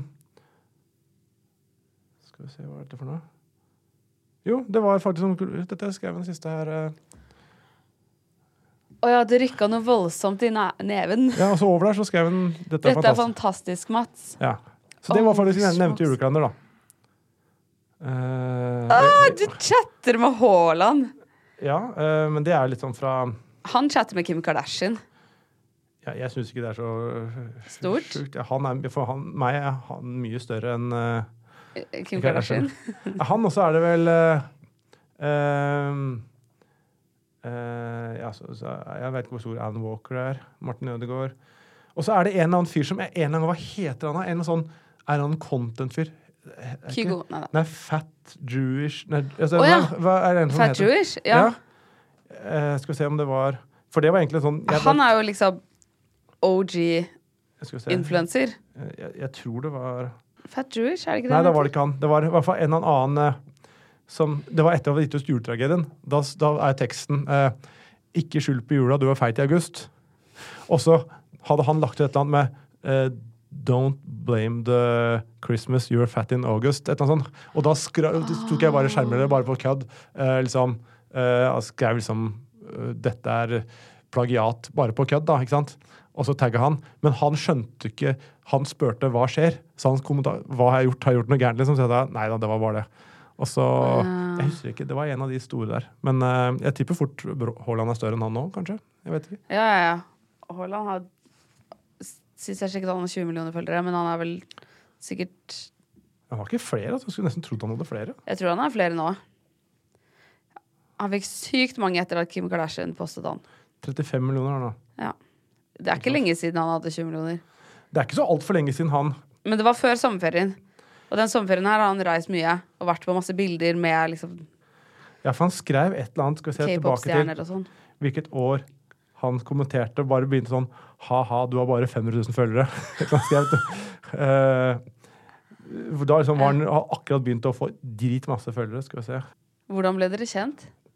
Han spilte jo fotball i Norge. Jeg spilte fotball. Så liksom møtte han jo på en sånn NISO-fest. Så har jeg liksom bare har ikke vært noe mer enn det. Men så har jeg liksom sendt noen meldinger eh, nå og da. har liksom eh, Han har fått Han og Martin har fått førpremierene på Ikke lov å le på hytta, så de har sett de oh, ja. før. Eh, jeg tenkte bare jeg skulle finne når det var hvor han plutselig begynte å liksom, Da var han ikke større enn at han akkurat syntes det var stas med masse følgere. Eh, Det er så langt unna mitt liv. jeg hadde egentlig synd nå er det for seint. Vi snakka egentlig om å gjøre skjult kamera med han da han var i Dortmund. Men nå får han ikke lov til Nå går jo ikke det. Men det hadde vært veldig gøy å ha noe sånn Nei, jeg, Har han strenge regler i kontrakten og sånn? nei, det tror jeg ikke. Men jeg tror det er både, både med tid og Jeg, jeg veit ikke. Jeg ser for meg.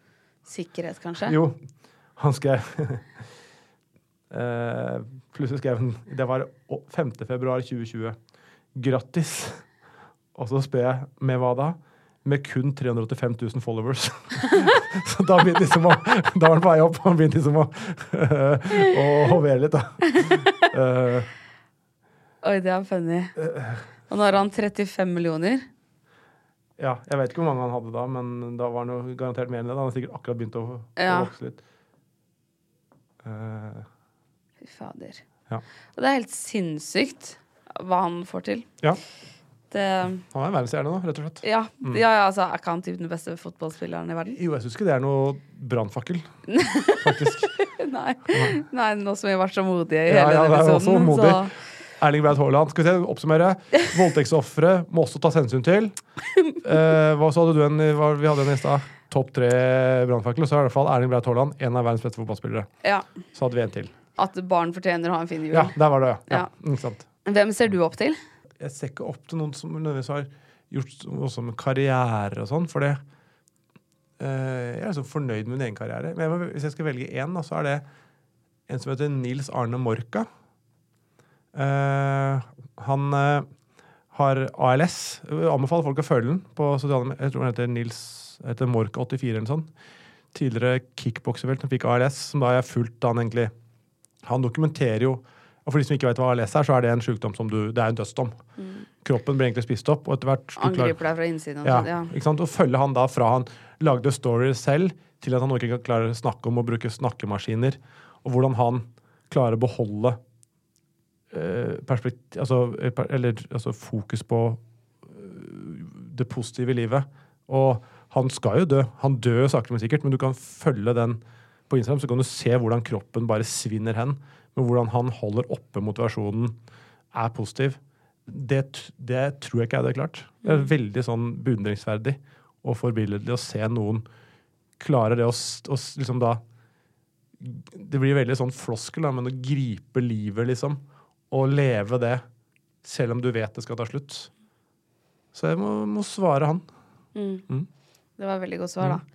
Det er nok jævlig mange som kunne lært av han. Ja, jeg tror det. Liksom når man klager over altså litt seigt, eller som om du er forsinka, eller du har litt vondt i huet, eller eh, hva som helst, om du er litt kritiske, skriver noe teit på Instaen, eller du sier noe, får høre noe dumt på jobb, eller noe, eh, liksom, Eller- så, er det Eller at du bare syns at livet er ekstremt urettferdig. Ja, ikke sant? Nettopp. For, for ALS, det er, det, kan, det er ikke noe sånn selvforskyldt. Det, det er urettferdig. Det er urettferdig, ikke sant? Det er urettferdig.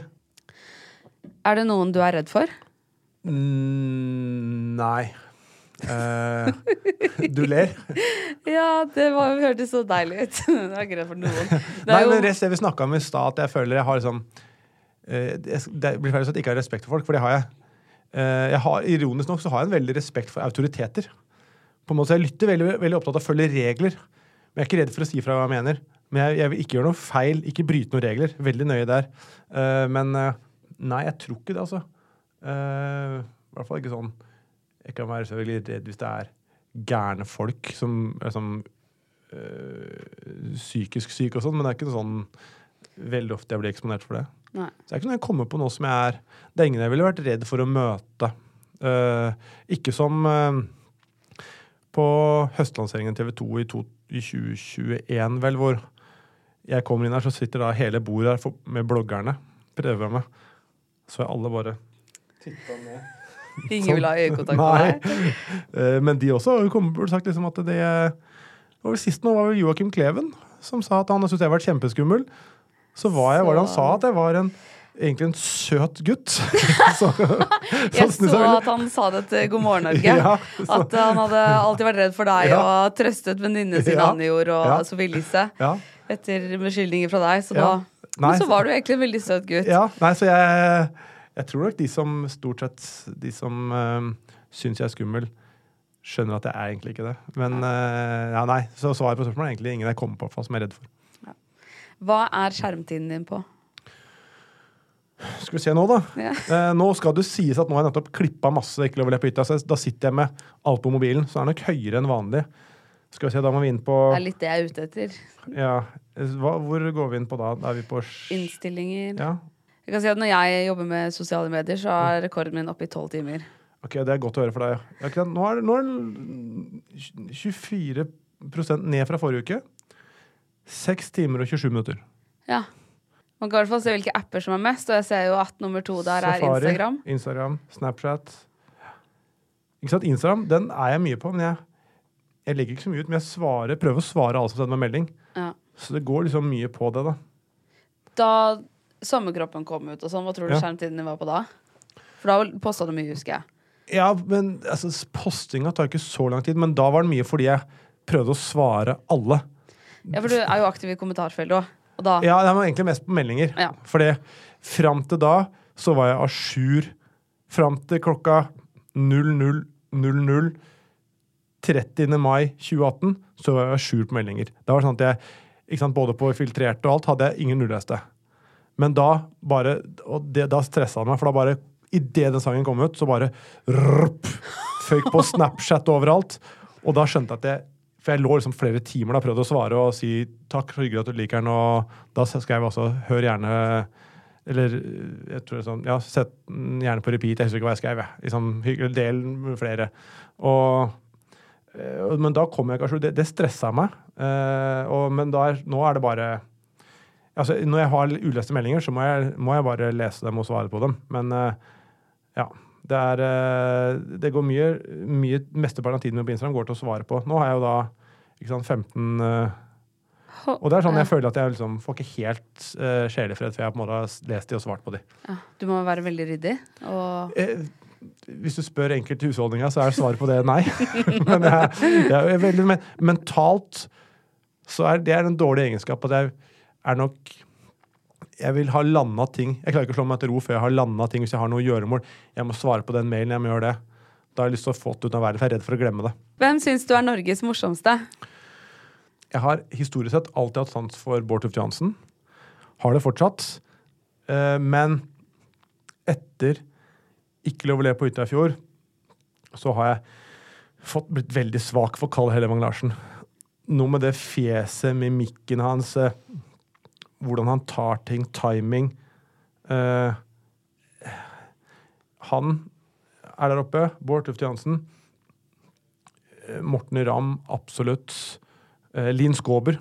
Hjerte til hjerte, hvis noen ikke har sett det. Eh, da misunner jeg dere, for da har dere noe dere virkelig ser fram til. Både sesong én og to. Det er bare å gå hjem nå og se på NRK.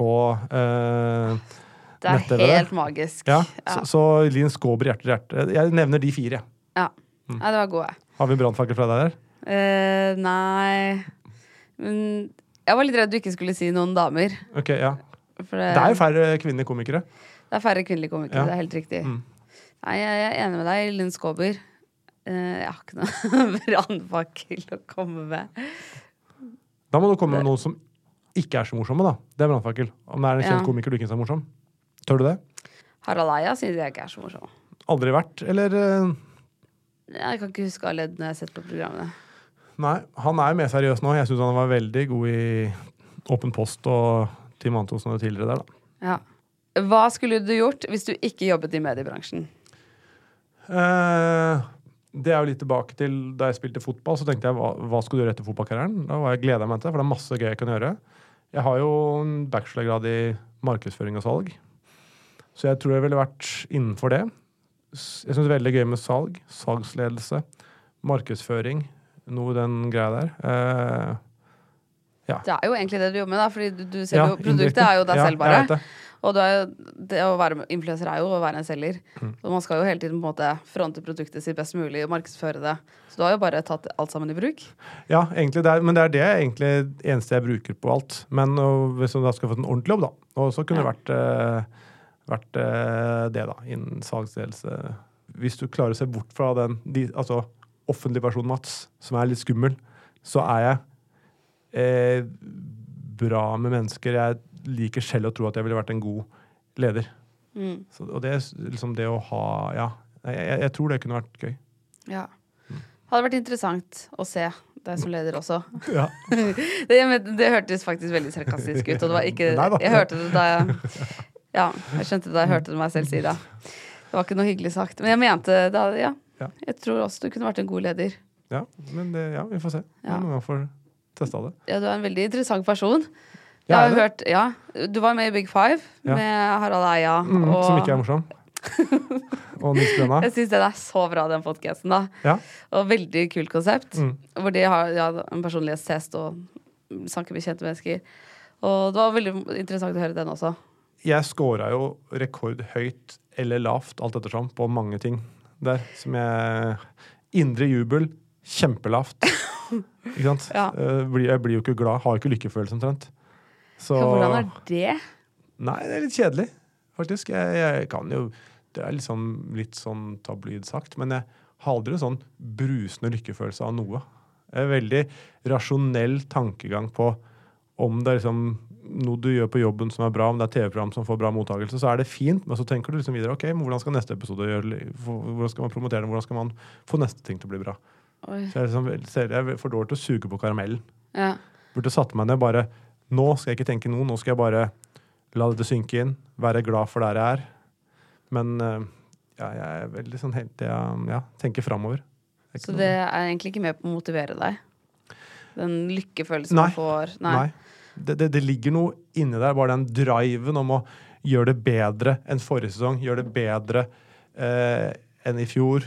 Eh, men det er ikke noe sånn Og det er tilfredsstillende, men jeg får veldig sjelden noe sånn øyeblikk man stopper opp og bare er lykkelig og tenker dette var gøy. Mm.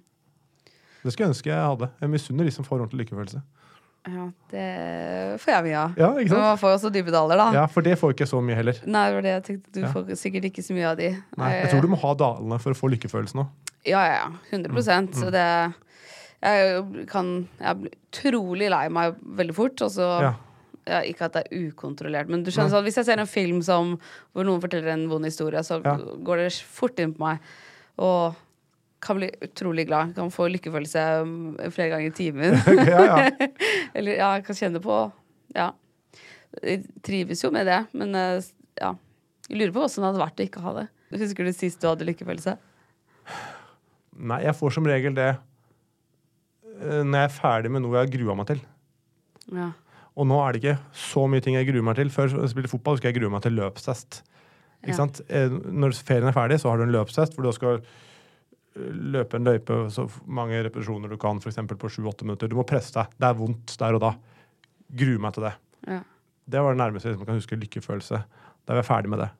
Men det var fordi det var smertefullt, eller fordi du også var redd for å gjøre det dårlig, eller Jeg gjorde det egentlig ganske bra stort sett på det. Så det var mer det at jeg liksom Det å vite at nå skal jeg løpe, nå skal jeg ha det vondt i neste fem-seks minuttene. Det høres jo ikke mye ut når jeg sitter og snakker fem-seks minutter. For det er folk som løper maraton og ultraløp og Norseman og holder på flere timer. Men jeg, det ble så stort for meg, liksom, det greiene, at jeg, jeg grua meg til det. Og da ble jeg veldig, da var det en slags lykkefølelse når jeg var ferdig. ja. Så ja, nei, det er ikke så mye. Jeg kan ikke huske sist nå. Blir jo glad. Det er kanskje da mer eh, liksom når du ser barna uh, være ordentlig glad.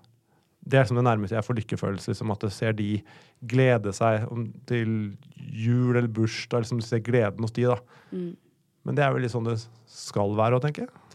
Ja, det hadde vært utrolig trist om du sa at du ble, følte deg lykkelig hver gang du fikk over 15 000 likes på Insta, men Ja, nettopp. Og så bare sånn, ja, men barna da? Ja, de ja, nettopp. Ja. De, ja! ja. Ja. Ja. Nei. Så det er vel eh, Så er det hyggelig liksom, når man får det nærmeste. Så er det jo gøy når man får liksom fiksertallene på episode én av Foreldre, at de var veldig gode. Det er, liksom, det er noe man har Man har jobba lenge med et program, planlagt det, så er det innspilt, og så skal man klippe det. Og når det da kommer ut, så vil man at mange skal se det. Så det er liksom Det er jo, da, det er jo gøy, da. Ja. Mm. ja, det kan jeg forstå. Herregud. Og så har du liksom masse seerfavoritter på planen, liksom. Det er jo det må Ja. en helt sinnssyk følelse.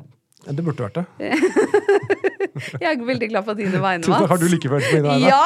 Yes! Da har det ført til noe. Ja, ja, Det har ført til like. Ikke hos meg, men Det fører til lykke. Ja, Ja, ja. ja. herregud. Og for en lykke jeg føler når jeg ser på et bra program. Altså, da tenker jeg bare sånn det er dette her jeg vil gjøre. Ja, Og det ser jeg bare. ja. Ja. Så man, det er veldig mange som setter pris på alt arbeidet du legger ned. Og og det, jeg setter- og det, at det syns jeg er hyggelig. Det er bra. Ja. Og det sier du ikke bare for å være høflig. Det, Nei, nei, det syns jeg er hyggelig. Det er jo det man det, Man har jo Jeg har jo et bekreftelsesbehov og anerkjennelsesbehov på ting man lager og gjør. Det tror jeg alle mennesker er. Tilbake til det med Det er grunnen til at folk bruker sosiale medier. Ja. Så enten det er likes eller kommentarer, eller når folk sier 'jeg elsker forræder', syns ikke lov å le på ut er kjempegøy, det er jo derfor man egentlig lager det. For at man syns det er gøy og givende å få de tilbakemeldingene. Mm.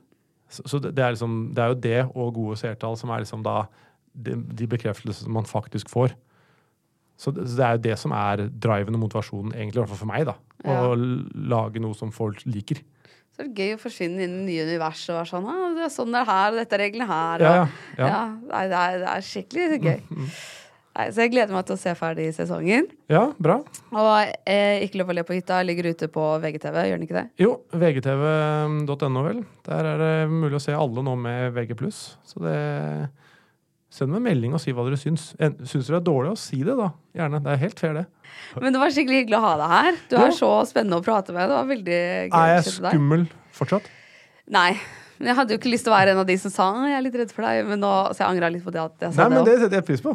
Eh, Ja, okay. Jeg gikk jo litt sånn eh, køddete i strupen på deg, men uh, du tok Ja. det kanskje litt personlig. Ja. Så virker det som jeg ikke liker jobben min, når du sa Nei, ja, nei, det var jo helt og Jeg var mer sånn motsatt at du faktisk har telling på hvor mange For det har ikke jeg sjøl. Mange Ja. eh, Du har spilt jeg 100 konserter i hvert fall. Ja. Kan, kan jeg få vite kildene? Kan du, vite- Eh, ja, jeg har flere, men eh, det var Kumar som sa det. ja, ikke sant? Ja, ikke sant? Ja, det stemmer nok. Det, da. det har vært veldig hyggelig å være med. Nei, men så hyggelig. Gøy, ja.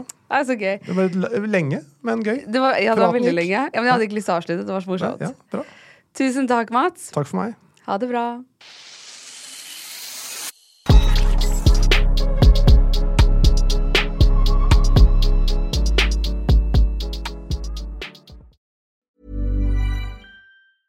Hey, it's Paige DeSorbo from Giggly Squad. High quality fashion without the price tag. Say hello to Quince. I'm snagging high-end essentials like cozy cashmere sweaters, sleek leather jackets, fine jewelry, and so much more. With Quince being 50 to 80% less than similar brands. And they partner with factories that prioritize safe, ethical, and responsible manufacturing. I love that. Luxury quality within reach. Go to quince.com slash style to get free shipping and 365 day returns on your next order. Quince.com slash style.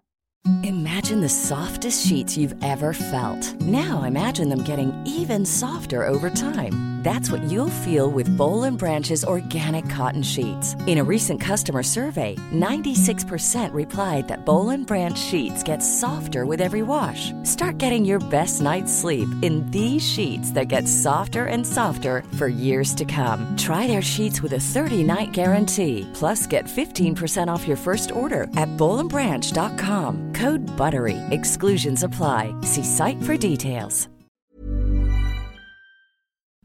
Tusen takk for at du hører på 730-podden. Hvis du har lyst til å være veldig kul, så er det bare å legge igjen fem stjerner. Og da blir jeg veldig glad, fordi det er jeg som lager alt til denne podden. Og jeg trenger masse gode stjerneanbefalinger for å kunne be sjefen min om litt høyere lønn. Så det hadde vært veldig fint. Jeg slipper nye episoder hver eneste tirsdag. Og hvis du ikke har hørt alle ennå, så er det bare å spole tilbake i biblioteket. Og trykker du på følg, så kommer alle de nye episodene rett inn i spilleren sekundet de blir sluppet. Send meg gjerne en DM hvis det er noen du har veldig lyst til å ha som gjest. Og husk at vi alltid poster spørsmålsrunder på Instagram Story, så da kan du få med spørsmålet ditt i neste episode hvis du vil det. Ha det bra!